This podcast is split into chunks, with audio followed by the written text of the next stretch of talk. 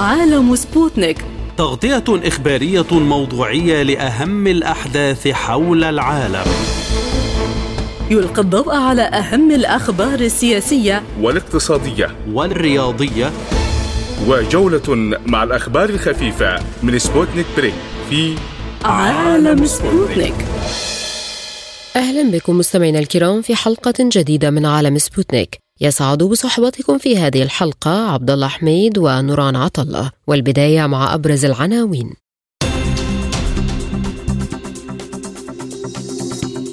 بوتين يؤكد أن طائرات اف 16 ستحترق في أوكرانيا بنفس الطريقة التي تحترق بها دبابات ليوبارد. ماكرون وبن سلمان يؤكدان ضرورة إنهاء الفراغ السياسي في لبنان. مساعد قائد الجيش السوداني يتوعد بالحسم والدعم السريع تحذر من حرب أهلية وزير الدفاع الإسرائيلي والأمريكي يناقشان التنسيق في كبح البرنامج النووي الإيراني. اقتصاديا الرئيس الإماراتي يقترح التعاون بين مصر وروسيا والإمارات في إنشاء منطقة صناعية روسية في مصر. إلى التفاصيل.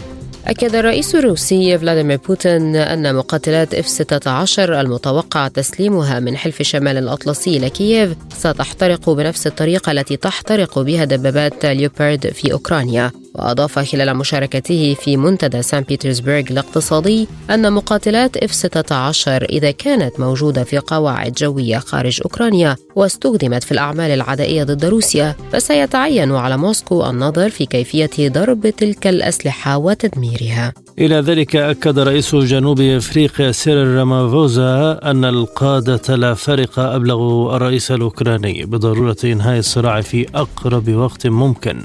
من جانبه صرح المتحدث باسم الفوضية الأوروبية بترستانو أن الاتحاد الأوروبي لن يدعم مبادرة القادة الأفارقة بشأن أوكرانيا للمزيد من المتابعة ينضم إلينا من دمشق الخبير العسكري والاستراتيجي رضا شريقي بعد التحية مع استمرار تزويد أوكرانيا بالمزيد من الأسلحة هل يعني ذلك إصرار الغرب على رفض أي خيار لحل الأزمة سلمياً؟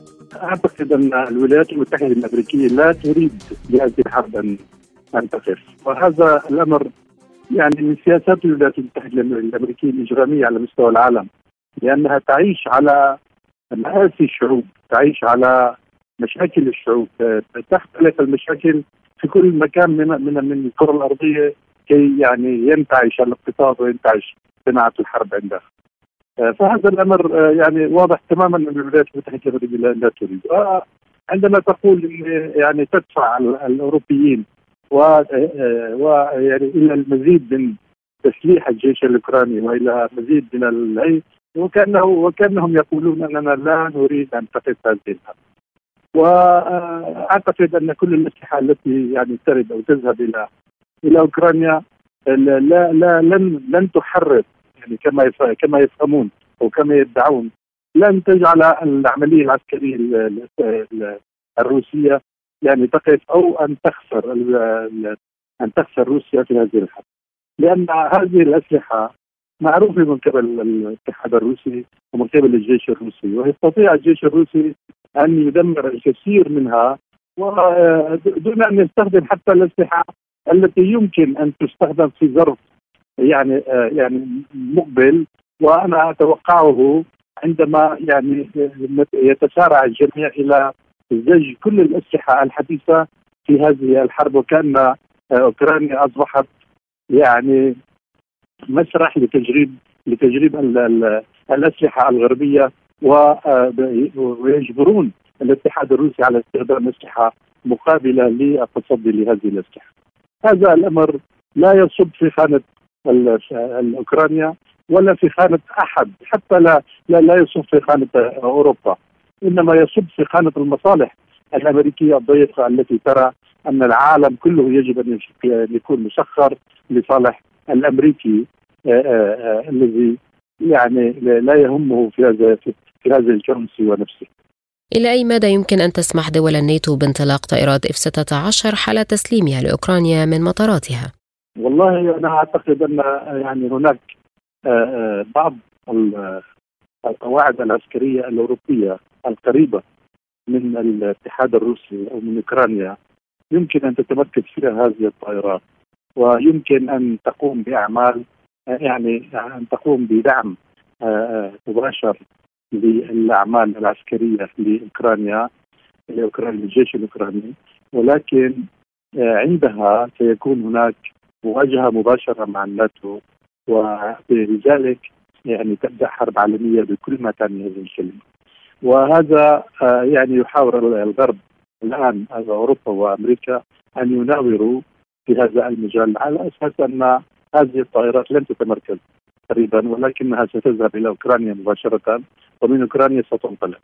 في حال انطلقت من المطارات الأوكرانية أعتقد أن الروس لن يسمحوا بانطلاقها اطلاقا ولو استخدمت كل الأسلحة الحديثة المتوفرة لدى الجيش الروسي وهذه الأسلحة أعتقد أنها قادرة على مواجهة آه هذا التطور في الحرب. الميدان بشكل عام ملتهب آه الميدان آه في في أوكرانيا صاخب آه، الميدان في أوكرانيا يعني يحرق الأخضر واليابس وبالتالي كما كنا نقول دائما الخاسرون هم البشر الذين يعيشون في أوكرانيا والخاسرون هم الأوروبيين الذين يخسرون إمكانياتهم محاولين أن يسيئوا للاتحاد الروسي. وهذا الأمر لن تخرج روسيا لن تخرج روسيا من من عمليتها إلا منتصرة. وهذا أمر يجب أن يفهمه الجميع. والرئيس بوتين صرح أكثر من مرة أننا لا نبغي تدمير أوكرانيا. افهموها لا نبغي. ولو استطاع لو أراد الرئيس بوتين والجيش الروسي أن يدمروا أوكرانيا عن فكره بها لفعلوا ولكنهم لا يريدون ذلك. هم يريدون أن يحققوا بلد أن أن يكون أن تكون أوكرانيا بلد محايد لا تحارب روسيا ولا تكون عدوا لدود للشعب الروسي. ويريدون أيضا أن يحققوا مطالب الشعب الأوكراني الذي يعني امتهنت عليه وفرضت عليه حكومة نازية بكل ما تعني هذه الكلمة تصب في خانة في خانه النازية الإجرام العالمي يمكن أن نختصر هل تؤدي هذه الخطوة إن حدثت لتوسيع رقعة الصراع خصوصا بعد تحذير الرئيس الروسي من استهداف أي مطارات تنطلق منها طائرات تابعة لأوكرانيا؟ أعتقد أنها يعني ستتسع. يعني عندما يريدون ان ان أن يزرعوا أو أن يرسلوا الطائرات اف 16 أو أو أو الأبرامز أو عفوا الدبابات البرامز أو الدبابات الأخرى الألمانية والروسيه وال والإنجليزية والأمريكية. هم لا يريدون أن يوقفوا الحرب وبالتالي هم يريدون أن تتسع رقعة الحرب. هم غير متضررين كما كما يفكرون. هم يعني يعتبرون أنفسهم منتصرين في هذه الحرب التي يستنزفون فيها الجيش الروسي ولكن أعتقد أن تقديرهم خاطئ لأن المستنزف الأساسي هو الشعب الأوكراني والمستنزف الأساسي هم الأوروبيين أنفسهم وهذا ما يعني ينعكس على على على المجتمع الأوروبي وعلى المجتمع وعلى الإمكانية والاقتصاد الأوروبي بشكل عام. لذلك آه، آه، الروس أو الجيش الروسي قادر وسيعمل مباشرة على تدمير هذه الطائرات التي ستنطلق من المطارات الأوكرانية. وأعتقد هم يعني سيكونون حذرين جدا عن بالنسبة للأوروبيين. سيكونون حذرين جدا من تمركز هذه الطائرات على مطارات آه، وبالتالي أقول على مطارات أوكرانية. وبالتالي أقول يمكن أن تتمركز وتتسلل من خلال الدول المجاورة. وهذا أمر سيعمل على توسيع رقعة الحرب أكثر ومباشر سيكون هناك يعني رد فعل روسي عنيف جدا تجاه الدول التي يمكن أن تنطلق من هذه الطائرات وإن شاء الله لا يحدث ذلك ولكن الأوروبيين والأمريكان يعني لا يفكرون إلا بمصالحهم وأعتقد أن حتى مصالحهم هنا غير محققة. في ضوء هذه التطورات، ما مصير المبادرات المطروحة لحل الأزمة سلميا؟ آه على ما يبدو أن الصين جادة في هذه في هذه المبادرة التي قدمتها والدول الاخرى أيضا جادة في موضوع آه، يعني حل هذا النزاع بأي شكل من الاشكال. وحتى آه، يعني في في ظرف من الظروف كنا نلاحظ أن حتى زيلينسكي نفسه كان يعني يريد أن يقترب من هذه المفاوضات أو ينزل إلى هذه المفاوضات بشكل أو بآخر وكان يشترط بعض الشروط البسيطة إلا أن الولايات المتحدة الأمريكية والغرب من ورائه وخاصة الدول يعني الجائرة وتسميها كذلك مثل بريطانيا وغيرها. هذه الدول لا تريد هذه الحرب لذلك منعوا منعوا زيلينسكي من يفكر في موضوع المفاوضات. المفاوضات غير مقبولة بالنسبة لهم. أما ما يطرح من قبل المجتمع العالمي المجتمع الدولي أعتقد ان أنه شيء صحيح ويحقق مصلحة الأوكران ومصلحة الروس ومصلحة الجميع. الصين هي جادة في هذه التجربة في هذه المحاولة أو في هذه المبادرة. والدول الأخرى أيضا التي قدمت مبادرات ومستعدة لتقديم المبادرات. وأعتقد أن الدول الصديقة الكثيرة تريد لهذه الحرب ان تقف من الدول دول القفقاز والى دول إلى إلى إيران وإلى السعودية وإلى الدول العربية الأخرى وإلى آه، كما ذكرت الصين. هذه الدول كلها تريد أن تقف هذه الحرب ويعملون على على على ذلك. ولكن آه، كما قلت الأمريكان لا يريدون ذلك. بايدن لا يريد لهذه الحرب أن تقف ويعتقد أن أن استمرارها هو لصالح الصناعات الحربية الأمريكية وهذا يدل عليهم خيرا. وبنفس الوقت يضعفون يضعفون أوروبا ويضعفون روسيا كما كما يحاولون. ويعني إذا دمرت بالنسبة لوجهه نظرهم إذا دمرت أوكرانيا فلا بأس بذلك. أما المبادرات لن تنجح في في في في مناخ سياسي أو مناخ نسميه فكري إمبريالي استعماري لدى الغرب خاصة الولايات المتحدة الأمريكية وبريطانيا ومن يدور في فلكهما هذه هاتان الدولتان هم سبب كل مشاكل المنطقة وكل مشاكل العالم أيضا. دعا الرئيس الفرنسي إيمانويل ماكرون وولي العهد السعودي الأمير محمد بن سلمان إلى إنهاء سريع للفراغ السياسي المؤسسي في لبنان.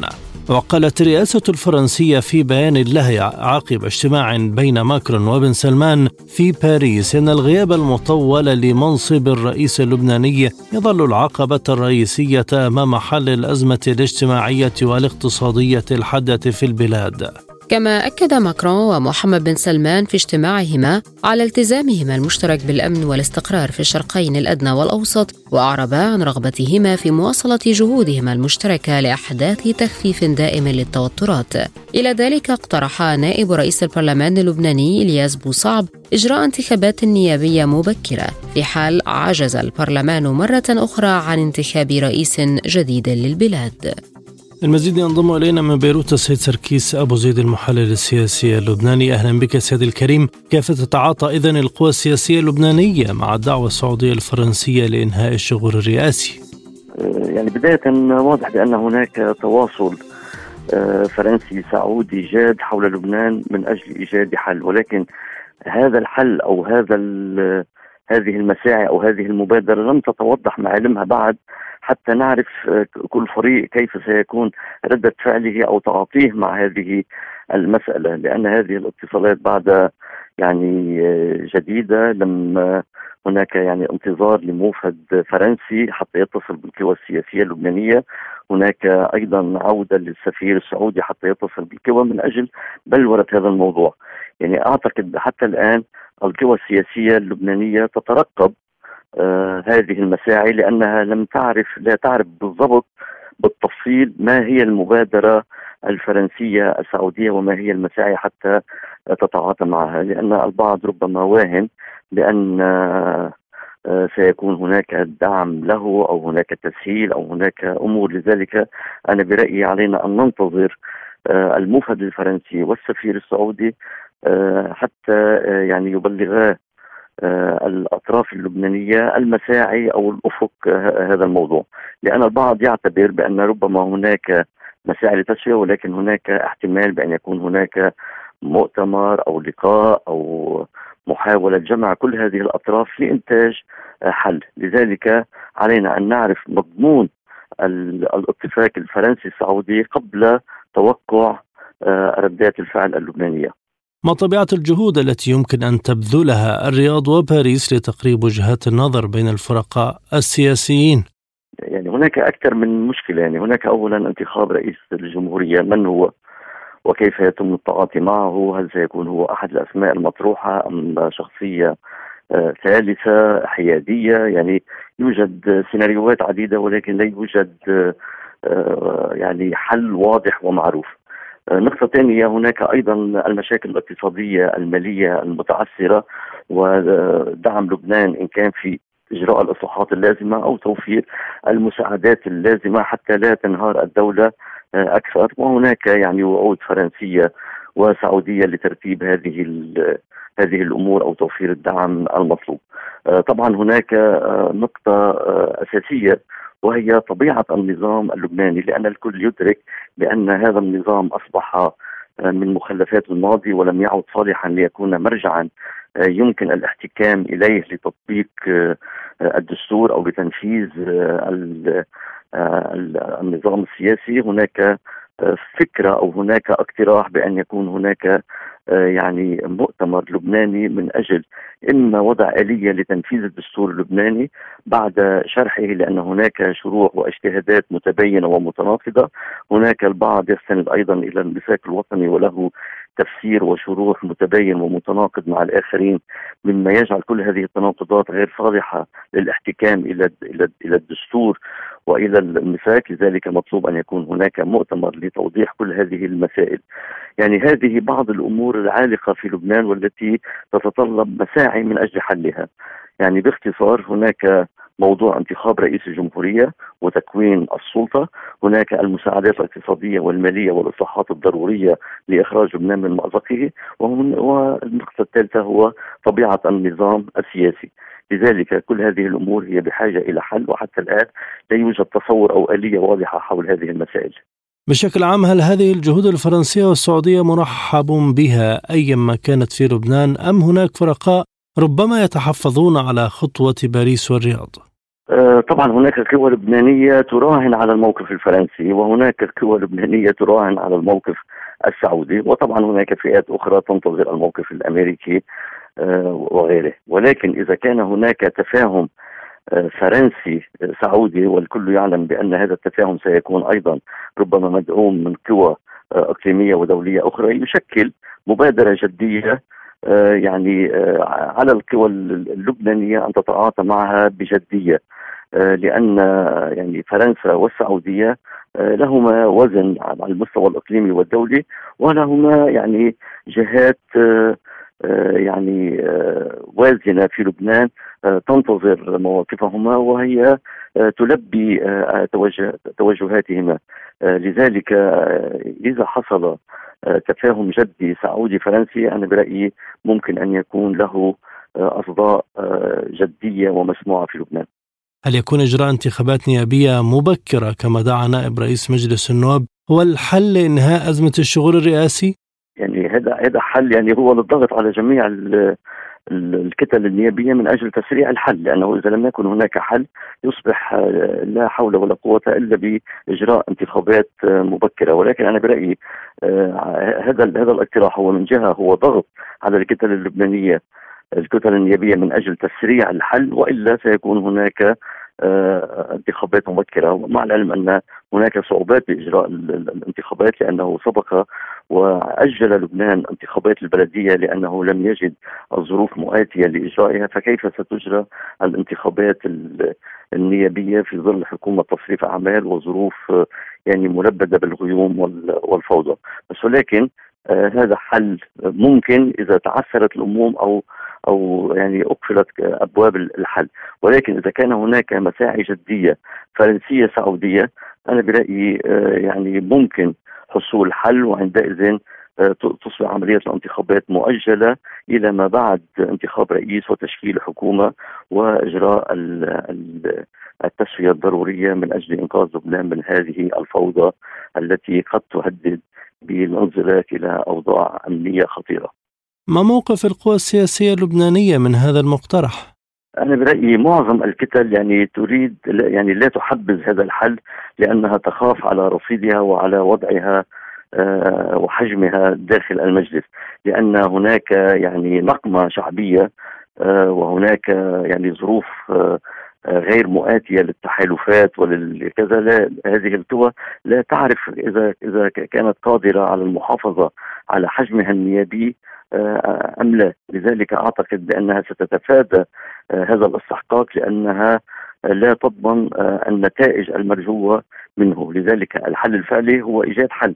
إذا حصل حل وتم انتخاب رئيس جمهورية أنا برأيي هذه هي أسرع طريق لإنقاذ الوضع في لبنان، أما الأمور الأخرى آه، طبعا تواجه صعوبات وتحديات ليس من السهل آه، حلحلتها بهذه البساطة لأن الوضع مركب وهناك ضياع وهناك عدم وضوح. حتى عند الكتل نلاحظ إنه حتى الكتل النيابية تعاني من خلافات داخلية وانقسامات وتشرذم. لذلك الإرباك والتفكك هو سيد الموقف على جميع الجبهات. توعد ياسر العطا مساعد القائد العام للجيش السوداني بحسم المعركة وملاحقة قوات الدعم السريع داخل الأحياء ودعا خلال تسجيل مصور نشرته القوات المسلحة السودانية على صفحاتها الرسمية بمواقع التواصل الاجتماعي إلى الابتعاد عن المنازل التي قالت إن قوات الدعم السريع تسيطر عليها. من جانبها حذرت قوات الدعم السريع من أن ما وصفتها بالتصرفات البربرية لميليشيا البرهان في إشارة القائد الجيش السوداني ورئيس مجلس السيادة الانتقالية عبد الفتاح البرهان ستقود إلى ما لا يحمد عقباه. وأضافت في بيان أن هذا من شأنه أن يشكل خطرا على الأمن والسلام الاجتماعي بتحويل المعارك بين الدعم السريع وما وصفتهم بالانقلابيين إلى حرب أهلية بحسب البيان. المزيد تنضم إلينا من القاهرة الدكتورة زحل محمد الأمين أستاذة القانون الدستوري والدولي. أهلا بك دكتورة هل يعني ذلك مزيدا من التصعيد العسكري في السودان؟ آه، بالنسبة لهذه التصريحات يعني ليست تصريحات غريبة. في في ظل أجواء هذا التصاعد العسكري الآن في السودان. كلا الطرفين لم يعلن بأنه يعني أنهى المعركة. كلا الطرفين لم يعلن بأنه انتصر على الطرف الآخر. كلا الطرفين الآن يخوض معركة شرسة ضد الطرف الآخر بكل الوسائل ويعني على الرغم من الانتهاكات التي صاحبت هذه المعركة وعلى الرغم من يعني ما ما حدث إلى المدنيين الانتهاكات أنا أعني هنا انتهاكات التي وقعت على المدنيين في السودان من احتلال لبيوتهم من جانب الدعم السريع ومن نهب لسياراتهم ومن المعاناة التي يعني من القصف الذي يقع بالطيران من جانب الجيش. كل هذه المسائل اثرت سلبا وحصار المدنيين في منازلهم و صعوبة الوصول المساعدات الإنسانية للمدنيين واحتلال المستشفيات واحتلال دور العبادة.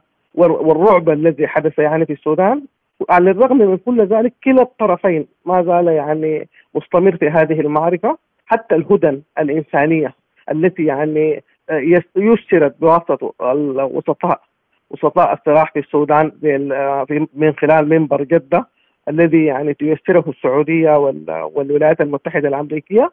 هذه الهدن في كثير من الأحيان فشلت وتم اختراق هذه الهدن وتم قص أثناء فترة الهدن فلم يعني حتى المدنيين لم يستفيدوا منها كثيرا في غالب الأحوال وبالتالي لغة التضعيف هي الآن هي التي تسود بين الطرفين فهذا التصريح ليس تصريحا قريبا بالنسبة للمحتيات الموجودة الآن على الساحة على العسكرية وعلى ساحة الصراع في السودان. ما مدى إمكانية حسم هذا الصراع عسكريا من قبل أحد الطرفين؟ إلى الآن الصراع يدخل شهره الثالث الآن ولم يحدث يعني تقدم يذكر لكلا الطرفين على الطرف الآخر على الصعيد العسكري وعلى أرض المعركة وعلى الأرض. إطالة أمد المعركة بين الطرفين هي دليل على أن آه هذا الصراع ليس يعني قابل لأنه يحسم عسكريا الدعم السريع منتشر جدا على الأرض في الخرطوم وفي وفي الجنينه وفي في غرب السودان في الأبيض وفي زالنجة والمعارك تدور الآن في الخرطوم وتدور في غرب السودان متزامنة مع بعض والخسائر في الأرواح كبيرة جدا جدا بالذات يعني الأطفال يعانون والمدنيون يعانون والآن الحرب أخذت منحى خطر جدا اللي هو منحى الصراع القبلي وبدليل يعني اغتيال والي غرب دارفور خميس بكر في يوم الأربعاء الفايت كل هذه يعني مسائل آه تدل على أن المعركة آه سوف لن تحكم عسكريا آه سوف لن تحسم سوف لن تحسم عسكريا وأنه ليس هنالك كفة راجحة الآن في هذا الصراع. وبالتالي يعني أن المسائل يعني كونه يذهب طرفاء الصراع إلى مفاوضات تنهي هذه الحرب هذا هو الطريق الآن يعني الطريق السليم والطريق الذي يعني المتاح الآن إذا قبل طرفاء الصراع بالذهاب للمفاوضات وإنهاء هذه الحرب التي أنهكت الشعب السوداني وأنهكت المدنيين وفي طريقها إلى أن تتحول إلى صراع قبلي وفي طريقها إلى أن تتحول إلى صراع يشعل المنطقة. لأن السودان حدود متداخلة مع دول جوار أفريقي مثل كاد وأفريقيا الوسطى. هذه الحرب الآن نظرا لهنالك يعني محاربين حتى من دول الجوار وتداخلات قبلية وعشائرية وإثنية الآن بدأت تشتعل في المنطقة فكل كل هذه الأسباب أرجو أن يقبل خلفاء النزاع يركنا إلى العقل لغة العقل ويذهبا إلى التفاوض من أجل إنهاء هذا الصراع اللعين. هذا الإصرار على البقاء في حالة التشابك كيف ينعكس على جهود الوساطة لإنهاء الصراع؟ كلما استمر الصراع وكلما أصر الطرفين على حسم هذه المسألة عسكريا هذا بالتأكيد سوف يعني يؤثر على جهود الوسطاء في إنهاء هذا الصراع وسوف يطيل عمق هذا الصراع ويصعب من عمل الوسطاء ويصعب من الوصول إلى حل لإنهاء الصراع. هل تعدد الوساطات من شأنه دفع الجانبين إلى الحل أم تعقيد الأزمة؟ بالتأكيد كثره الوساطات هي ليست من مصلحة الحل لأنه يعني في في ظل التجاذبات التي يعني صاحبت الصراع الآن في السودان وفي ظل الاستقطابات من دول متعددة سواء كانت في المحيط الأفريقي أو المحيط العربي لأن السودان طبعا يعني كما تعلم هو موجود في المحيط الأفريقي من خلال وجوده في الجغرافي آه، وموجود في المحيط العربي من خلال وجوده الجغرافي أيضا وينتمي إلى يعني إلى منو... إلى الاتحاد الافريقي وينتمي إلى التكتل العربي اللي هو من خلال العرب ليج منظمه فكل هذه ال ال يعني موقع السودان الجغرافي في وسط افريقيا والطموح ليست من جانب يعني الدول المحور سواء كانت افريقيه أو عربيه هنالك مطامع كثيرة جدا. يعني في في السودان سواء كان حتى من دول غربية ومن دول من روسيا من أمريكا من من دول متعددة بدليل يعني اتجاه يعني التجاذبات التي تحدث الآن في هذه الحرب. وبالتالي كثرت الوساطات.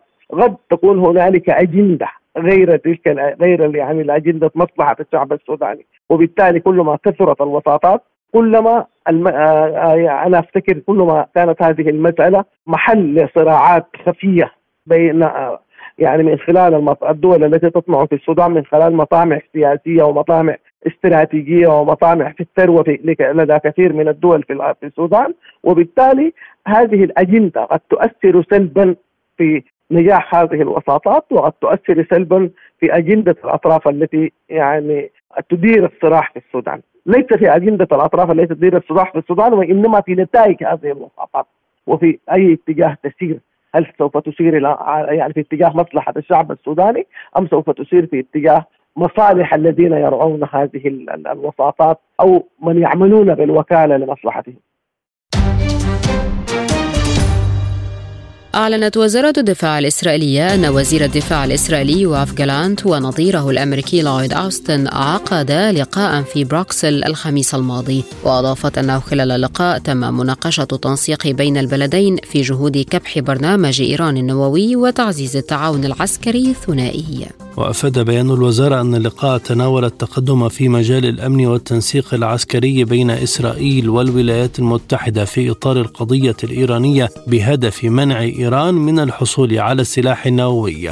وأشار وزير الدفاع جالنت إلى التحديات التي تواجهها إسرائيل نتيجة للهجمات الإيرانية عبر الوسطاء الإقليميين في سوريا ولبنان وغزة مشددا في الوقت نفسه على حق إسرائيل في حماية نفسها من أي تهديد بحسب قوله للمزيد من المتابعة ينضم إلينا من الجليل المحلل السياسي أليف صباغ بعد التحية ما دلالة هذا التنسيق الأمريكي الإسرائيلي فيما يتعلق بالنووي الإيراني؟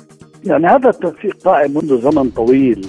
آه، على خلفية أنه التنسيق الإسرائيلي الأمريكي هو تنسيق استراتيجي في كافة القضايا سياسة إسرائيل في الشرق الأوسط وسياسة أمريكا في الشرق الأوسط وضرورة التوافق. ولكن دائما في الموضوع النووي كان التنسيق يتضمن إما تصعيد ضد إيران وإما تعويضا لإسرائيل عن أي نوع من التفاهمات بين أمريكا وإيران. والتعويض دائما دائما يأتي إما بمزيد من الأسلحة المتطورة لإسرائيل وإما بزيادة مساعدات تكنولوجية لإسرائيل وإما بفتح آفاق لعمليات تطبيع في الشرق الأوسط مع إسرائيل. وأنا باعتقادي إنه واحدة من القضايا التي تم يتم تعويض إسرائيل في الوقت الحاضر هي قرار الكونغرس الأمريكي بالإجماع تقريبا بالإجماع. بين الديمقراطيين وجمهوريين بأن يعينوا مبعوث خاص لتعميق التطبيع الإبراهيمي بين إسرائيل والدول العربية. وهذا المبعوث خاص على ما يبدو آه، سيأتي ببرامج مشتركة بين إسرائيل والدول المطبعة وربما يحاولون فرض آه، مشاريع آه، مشتركة بين الأطراف. ولا آه، أستغرب ابدا أن يكون هناك محاولات لفرض مشاريع على السعودية أيضا في هذا الإطار. اذا اسرائيل دائما تنتظر مقابل، مجرد أن يعني تسمح لأمريكا بتخفيف الصراع مع إيران هي تريد مقابل هكذا كانت في الماضي هكذا هي الآن وهكذا هي في المستقبل الإسرائيلي لا يقدم أي شيء حتى لو كان هذا التقديم هو حق للآخر إلا يطلب مقابل. في الحياة الخاصة في الحياة العامة في الحياة السياسية في الحياة الاجتماعية دائما الإسرائيلي يطلب مقابل. إذا بسرق منك ساعة وبدي أرجع لك إياها بده مقابل. الطرفان ناقشا تنسيق في جهود كبح برنامج إيران النووي. ما طبيعة هذه الجهود برأيك؟ أنا بعتقد أن أمريكا ذاهبة إلى تخفيف الصراع مع إيران على أساس أنه إيران لا تزيد من التخصيب اليورانيوم لا في النسبة ولا في الكمية وأن تفرج أمريكا عن حوالي 20 مليار دولار من الأموال الإيرانية الموجودة في الدول غير أمريكا يعني في كوريا وفي العراق وفي أماكن أخرى وباعتقادي أنها بدأت تفرج عن ذلك. آه هنا آه خوف في خوف إسرائيلي كبير منه إذا ما رفعت أو أو خفضت أمريكا من هذا الضغط الدولي والحصار الدولي الحصار الأمريكي يعني على إيران أن تفلت الأمور من أيديها وتعيد كل الدول العربية علاقاتها مع إيران وتبدأ في عملية تعاون اقتصادي وسياسي ومن جميع المجالات مع إيران. وهذا يشكل في نظر الإسرائيليين خطر على مستقبل على ضمان الهيمنة الإسرائيلية في الشرق الأوسط إسرائيل الصراع الأساسي مع إيران هو ليس السلاح النووي الصراع الأساسي مع إيران حول مستقبل الشرق الأوسط هل يكون تحت الهيمنة الإسرائيلية أم لا يكون تحت الهيمنة الإسرائيلية لأن هناك قوى صاعدة في الشرق الأوسط تمنع هذه الهيمنة. بغياب أمريكا إسرائيل تحلم بالهيمنة في الشرق الأوسط، أمريكا تريد أن تضمن هذه الهيمنة لاسرائيل. إيران تتصدى لهذا البرنامج الاستراتيجي لإسرائيل وأمريكا.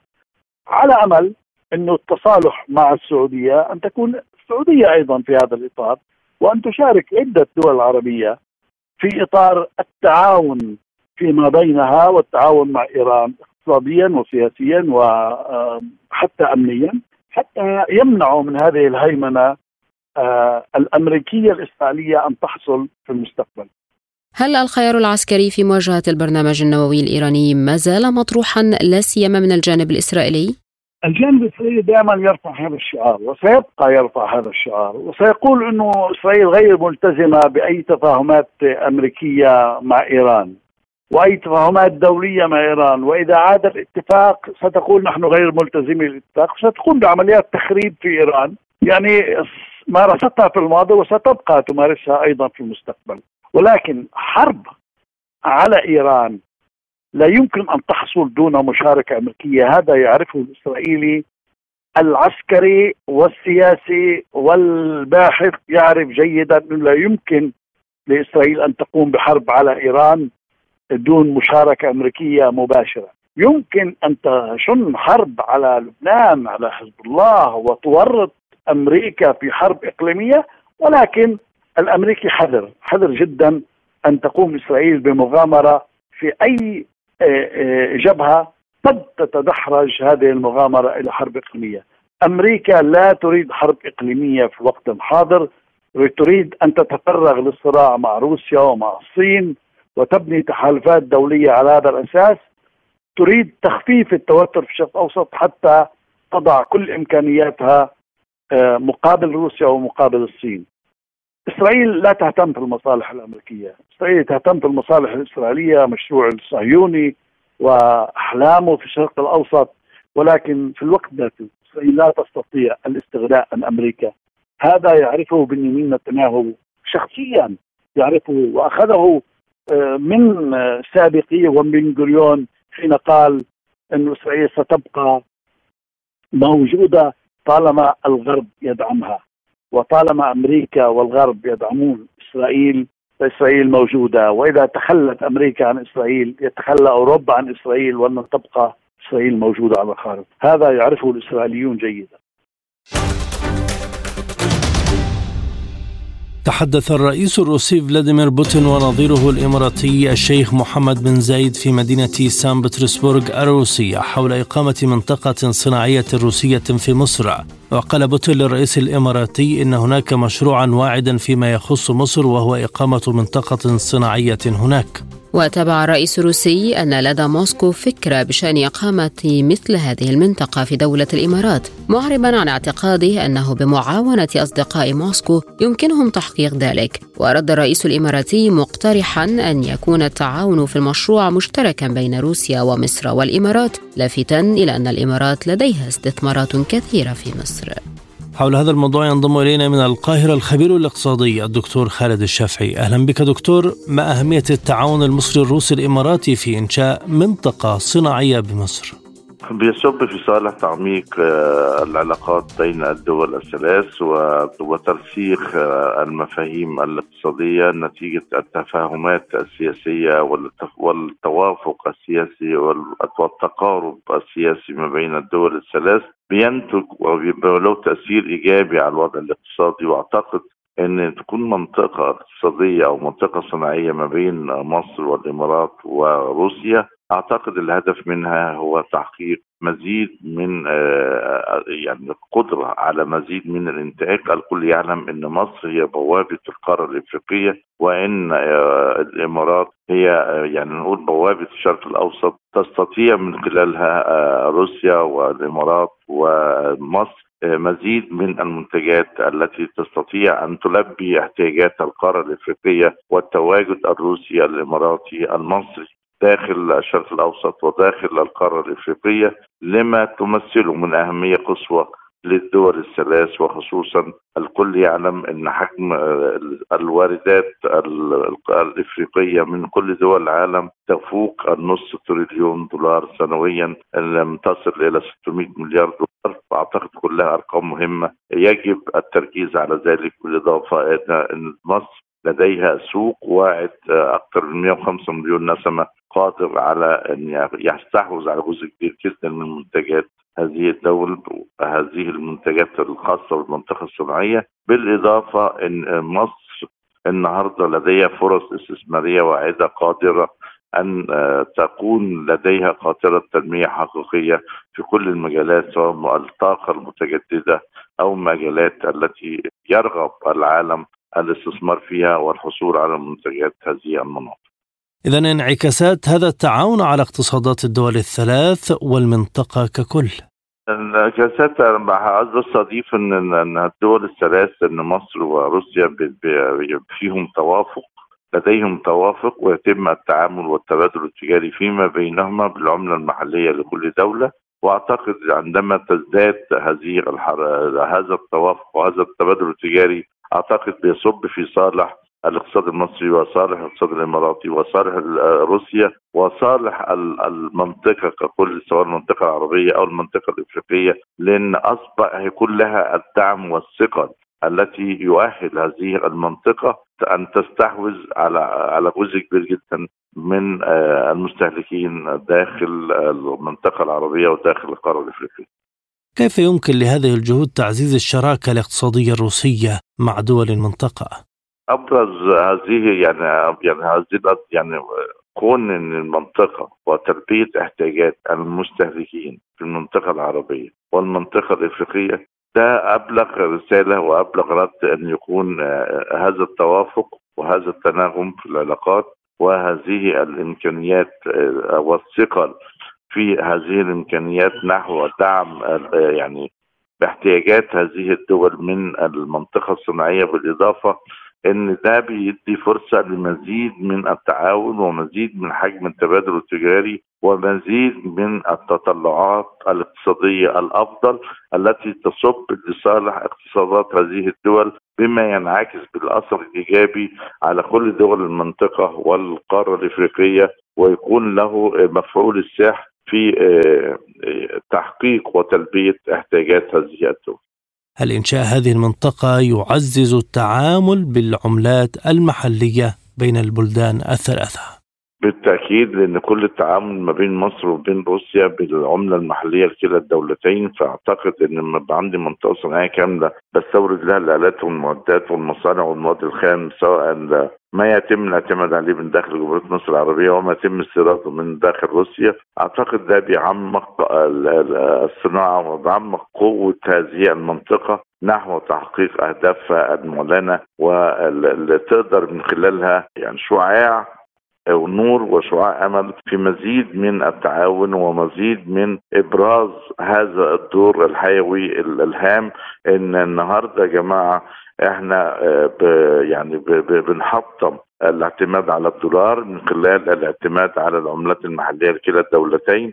بنحطم الفروق القيود وال وال وال والعقوبات المفروضة على الدولار أو كل من يتعامل بالدولار سواء ايجابا أو سلبا. وأعتقد إن ده بيعطي متنفس للعملات المحلية أن يكون لها وضع واستراتيجية داخل المعاملات الدولية فيما هو آت وفي كل الدول المثيله أو يكون لها نفس هذا الحجم ونفس هذا القدر أعتقد هيمنة الدولار ستنتهي قريبا بفعل هذه المتغيرات وبفعل هذه الاتفاقات وبفعل هذه المناطق التي تنشأ من أجل زيادة حجم الإنتاج والمنتج المنتج المصنع من هذه المنطقة إلى داخل الأسواق المحلية وإلى داخل أسواق المنطقة العربية والإفريقية.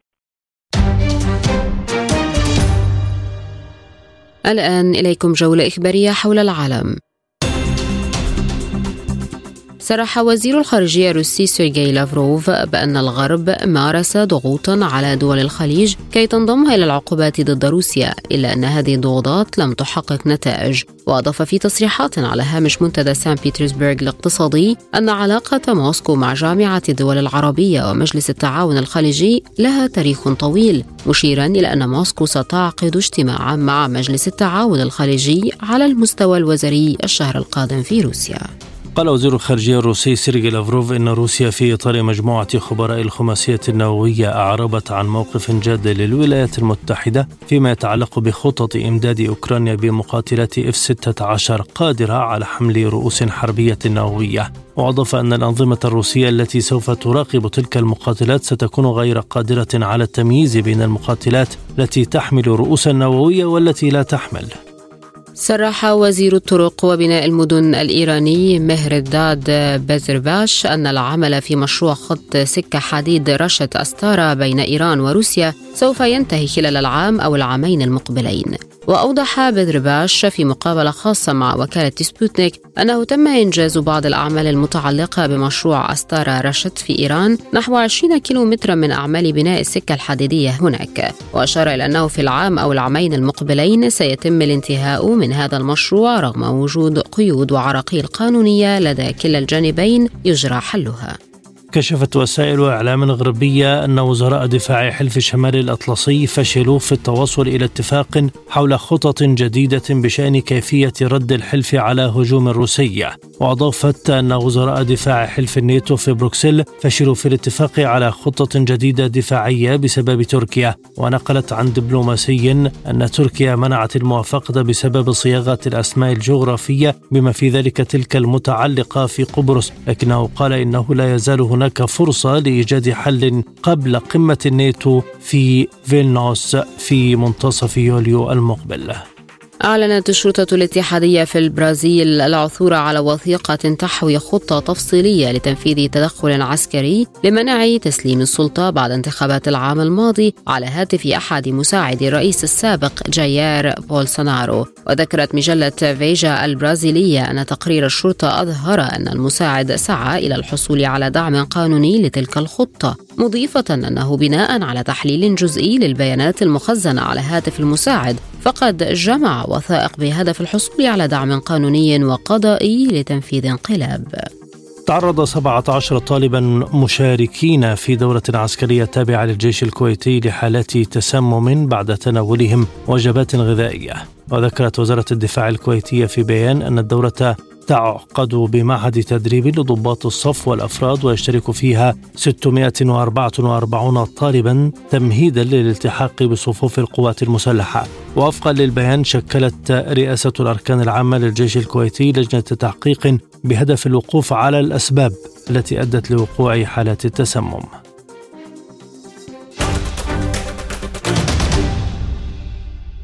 مستمرون معكم وهذه تذكرة بأهم العناوين.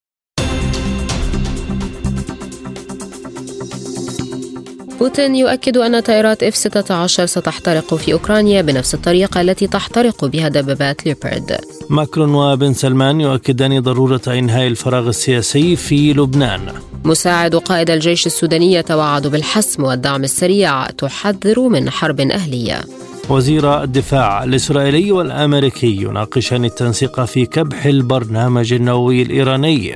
واقتصاديا الرئيس الإماراتي يقترح التعاون بين مصر وروسيا والإمارات في إنشاء منطقة صناعية روسية في مصر.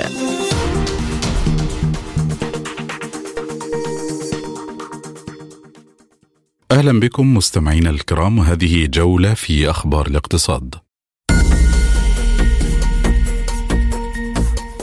صرح الرئيس الروسي فلاديمير بوتين بأن روسيا لديها القدرة على تطوير نموذج الانتقال إلى اقتصاد جانب العرض. وقال بوتين خلال مشاركته في منتدى بتروسبرغ الاقتصادي الدولي إن روسيا بحاجة إلى سياسة اقتصادية استباقية وانتقال إلى اقتصاد سيادي لا يأخذ في الاعتبار الطلب فحسب بل يشكله أيضا. أضاف أن مثل هذا الاقتصاد الذي يطلق عليه غالبا اقتصاد العرض ينطوي على بناء واسع النطاق للقوى الإنتاجية وقطاع الخدمات وتعزيز واسع النطاق لشبكة البنية التحتية وتطوير تقنيات متقدمة وإنشاء تقنيات جديدة. بما في ذلك تلك المجالات التي لم نثبت فيها أنفسنا بشكل صحيح بعد. ولكن لدينا بالتأكيد فرص لهذه المجالات العلمية والإمكانات الإبداعية.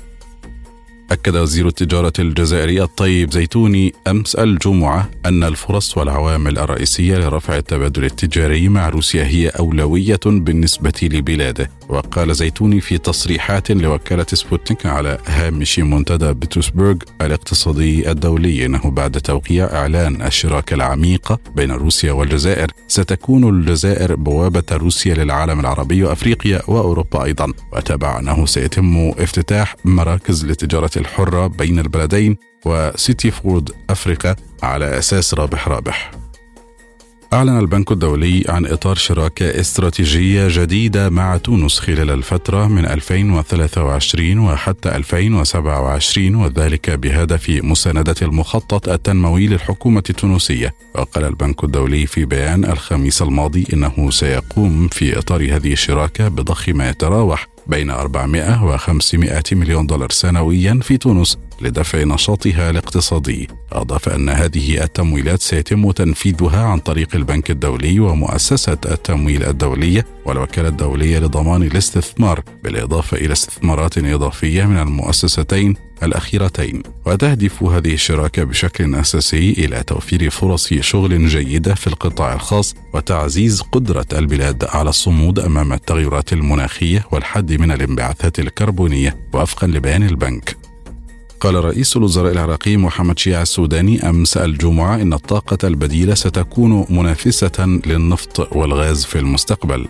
جاءت تصريحات السوداني أمس الجمعة في كلمة له خلال حضوره احتفالية بمناسبة الذكرى الثالثة والستين لانعقاد المؤتمر التأسيسي لمنظمة أوبك الذي عقد في العاصمة بغداد. أضاف أن العراق يعتمد منذ عقود طويلة على النفط كمورد أساسي للاقتصاد والمال في وقت أهمل الغاز الطبيعي ما أفقد بلاده الكثير من فرص التنمية. مشددا على أن العراق وقع عقودا مهمة لاستثمار الغاز بنوعيه الطبيعي والمصاحب. وأشار إلى أن الاستثمار في الغاز سينهي الهدر في الثروة الغازية التي تكلف العراق سنويا ما يقارب أربعة مليارات دولار.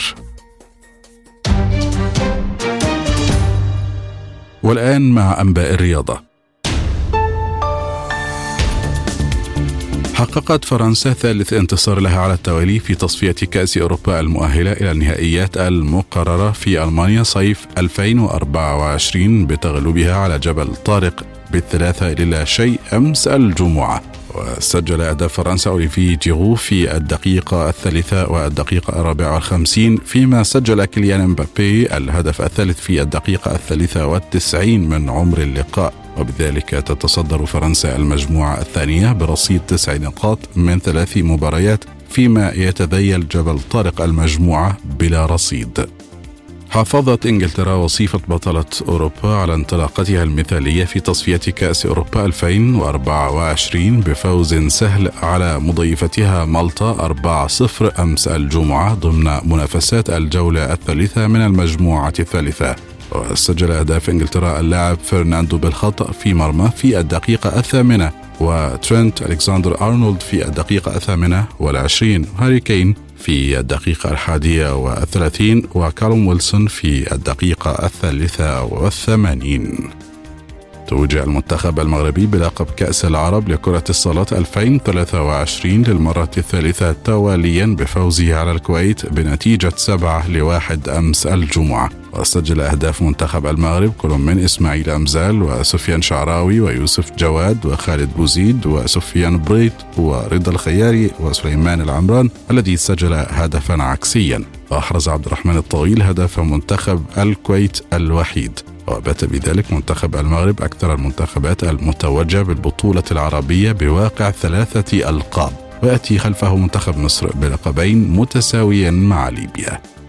كشفت وسائل إعلام غربية النقاب عن دخول اللاعب الدولي المغربي أشرف حكيمي دائرة اهتمام فريق ريال مدريد الإسباني للتعاقد معه في فترة الانتقالات الصيفية المقبلة. وذكرت صحيفة موندو ديبورتيفو الإسبانية أن كارلو أنشيلوتي مدرب فريق ريال مدريد منح الضوء الأخضر للتعاقد مع اللاعب حكيمي ليضع الفريق الملكي اللاعب الدولي المغربي ضمن اهتماماته للتعاقد معه في الانتقالات الصيفية المقبلة.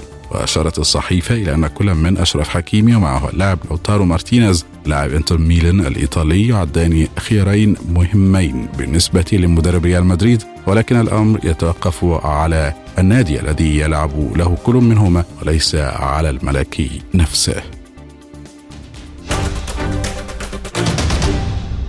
والآن مع سبوتنيك break.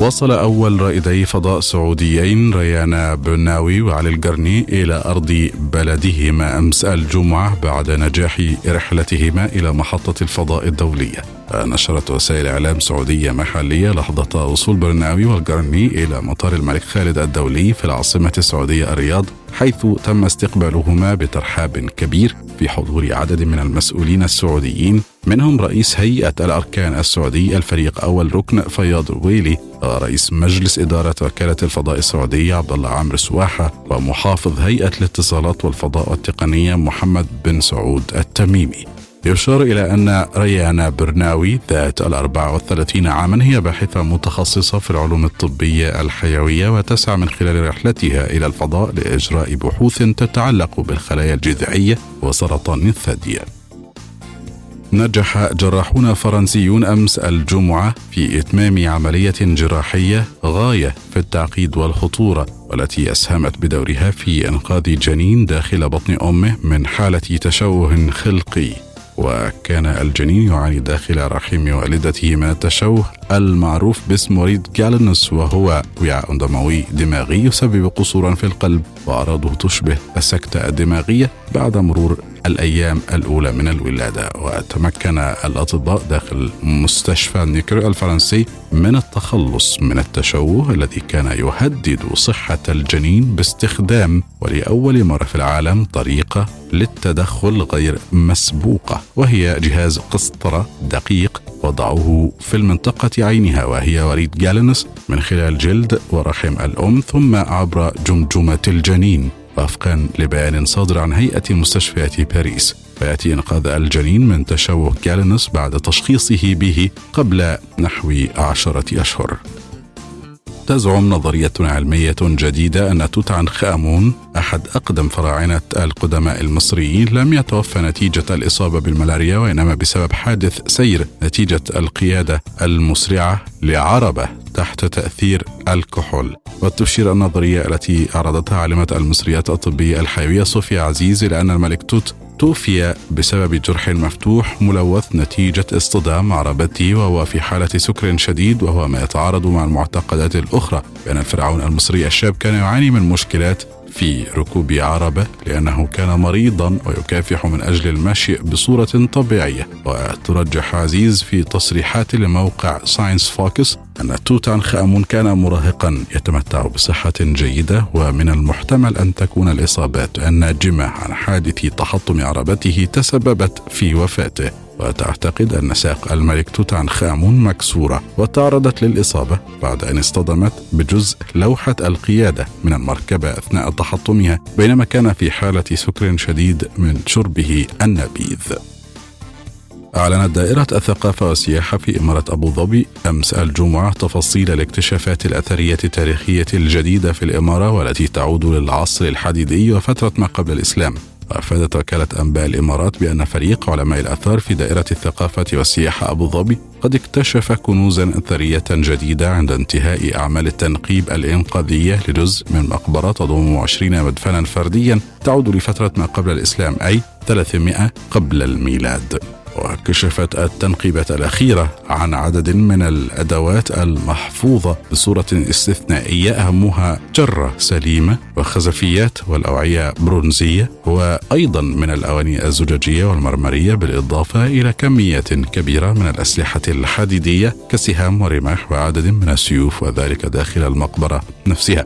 وأكدت الوكالة أن اكتشاف المقبرة الجديدة يعني وجود مستوطنة تعود إلى الفترة الزمنية ذاتها فضلا عن وجود قنوات مياه عميقة وهي للدلالة على تطور المشهد الاجتماعي في منطقة العين الإماراتية التاريخية.